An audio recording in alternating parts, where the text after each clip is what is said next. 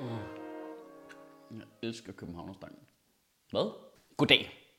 I løbet af de sidste 10, 15, 17, 20 år er vores lille land, Danmark, gået fra at være et uskyldigt land til at være et land, der er mere flosset i kanten på en eller anden måde. Lige pludselig er vi nu en aggressiv krigsførende nation. Mohammed-krisen gjorde, at ytringsfriheden blev til noget lidt grimt og lidt negativt noget. Finanskrisen gjorde, at vi tog et opgør med vores grundlæggende solidaritet. Og en mand står i centrum af al den her udvikling. Vores tidligere statsminister, Anders Fogh Rasmussen.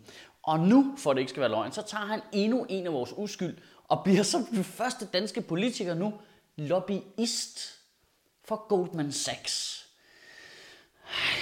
Men altså, så kan han lige så godt være visevært på Dødstjernen, også lige for at fuldende sit CV. Hey, skulle vi ikke prøve at få ham med i et interview i Sjøtministeriet Live? Det kunne da være super fedt. Okay, det er vi ikke råd til. Det er vi ikke råd. Det er lige meget. Der er noget lidt uhyggeligt over en mand, der er så ligeglad med sit eftermæl. Han var jo en enormt vældig statsminister, mens han var statsminister. Han har været leder af NATO, et af de mest magtfulde jobs i hele verden, og nu pisser han bare det hele væk ved at være lobbyist for højstbydende. Jeg forstår simpelthen ikke motivationen. Har han ikke penge nok? Altså, han er 62 år gammel. Burde han ikke bare slappe af og hygge sig og lave noget æblemost og hænge ud med Anne Mette. Anders, nu er du både ledet et land og hele den frie verden. Skal vi ikke hænge ud lidt sammen nu? Nej, Anne Mette, det er ikke tid til. Jeg skal lige forbedre Goldman Sachs image først. Held og lykke med det jo. Det er jo hurtigt overstået. Det er altså en mand, der ikke gider at være sammen med sin kone. Det skider jeg på. Anders få arbejder nu for noget, der hedder Boston Consulting Group, som han skal hjælpe med at få flere våbenfirmaer på kundelisten. Og så hjælper han Goldman Sachs med at forbedre deres image i Danmark. Så kunne du vælge nogle mere skurkagtige firmaer? Han er jo bare pisse ligeglad. Goldman Sachs udtaler selv, at Anders Fogh skal hjælpe dem med bedre at forstå de politiske forhold i Danmark. Yeah, right. Prøv, så googler du altså bare ting, eller hyrer en almindelig konsulent. Det behøver du ikke vores tidligere statsminister for. Det, altså, det gør du kun, fordi du var indflydelse. Det gør du kun, fordi du var indflydelse på den siden af regeringen, hvilket et parti han tidligere var formand for tror de, vi er idioter eller hvad? Nå, men jeg skal bare lige høre lidt om øh, dansk kultur. Kan jeg øh, hyre dronningen? Jeg synes, at når du er folketingsmedlem, minister eller fucking statsminister, så har du altså et helt særligt ansvar. Så repræsenterer du Danmark, vores land, hele tiden, også bagefter. Så kan du ikke bare hænge ud med våbenproducenter, dem der startede finanskrisen. Du er sådan nødt til at behandle dem med respekt, og ikke sørge for, at det bliver fuldstændig vandæret. Men, men det er jo langt hen ad vejen vores egen skyld. Vi har jo ikke ligesom udslusningsprogram for politikere. Vi lader dem jo bare i stikken, når de er færdige. Altså, de er jo nødt til ligesom at blive resocialiseret og ligesom integreret i samfundet igen, nu de har haft en hel livstid inde i en lille lukket boks, hvor folk kun har snakket bullshit.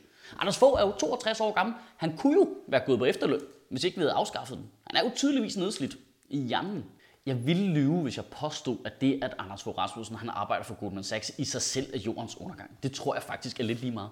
Men det, der gør det så utrygt, det er, det er en del af en meget større tendens. Det er som om alting flyder sammen, og det er sådan mudder.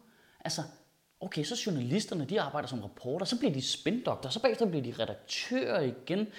Søren Espersen fra Dansk Folkeparti startede som journalist, så pressechef, nu er han folketingsmedlem. Thor Møller lavede den omvendt, han var minister, nu er han spindoktor for Socialdemokratiet. Alt det smelter fuldstændig sammen. Anders Fogh, han er lobbyist for våbenfirmaer, før var han leder af NATO. Altså John Stewart stopper. Hvad fuck er det, der foregår altså? I ugen, der kommer, der synes jeg, du skal tænke lidt over, at hvis ikke vi som danskere, hvis vi ikke vi som vælgere og borgere tager afstand, når politikerne gør sådan noget, når Anders Fogh han begynder at arbejde som lobbyist, så gør vi det reelt risikofrit og vandager politikererhvervet. Hvis ikke vi straffer dem for det, så kan de bare blive ved med at gøre det. Så risikerer vi i fremtiden, at andre politikere bare kommer til at repræsentere, du ved, lyssky og luskede og fuldstændig usympatiske og skadelige firmaer, du ved, tobaksindustrien eller olieindustrien eller kirken eller et eller andet. Vi er nødt til at afkræve politikerne respekt for deres eget erhverv. Lige meget hvor bizarre den er, det overhovedet er nødvendigt. Kan du have en rigtig god uge, og Gud bevare min bar. Hold kæft, for det deprimerende, at John Stewart han stopper. Nu USA er jo bare, fuck, der er jo ingen, der holder med. Nu er Fox News, de har bare frit spil. Det er bare, det kan skal bare, det er slut nu. Obama stopper. Stewart stopper. Det er lige meget. Det er lige meget. Det er lige meget. Og nu er det sgu tid til at lukke computeren og komme ud og opleve mig i mit rette element foran et live publikum, når jeg har premiere på mit nye one-man-show Ytringspligt den 29. september. Du finder dine billetter på fbi.dk-ytringspligt. Og så skal du huske at købe en billet til Comedy Zoo, for de sponsorerer os og hjælper os med at lave de her videoer. Og hvis du gør det i næste uge, så er der en rigtig god grund til det, for der kan du opleve Anders Fjeldsted, Martin Nørgaard og Heino Hansen. Det vil du ikke gå glip af. Specielt Heino Hansen har jeg kæmpe stor øh, kærlighed til. Den øh, dummeste showmand, jeg kender. Du finder som altid dine billetter på fbi.dk.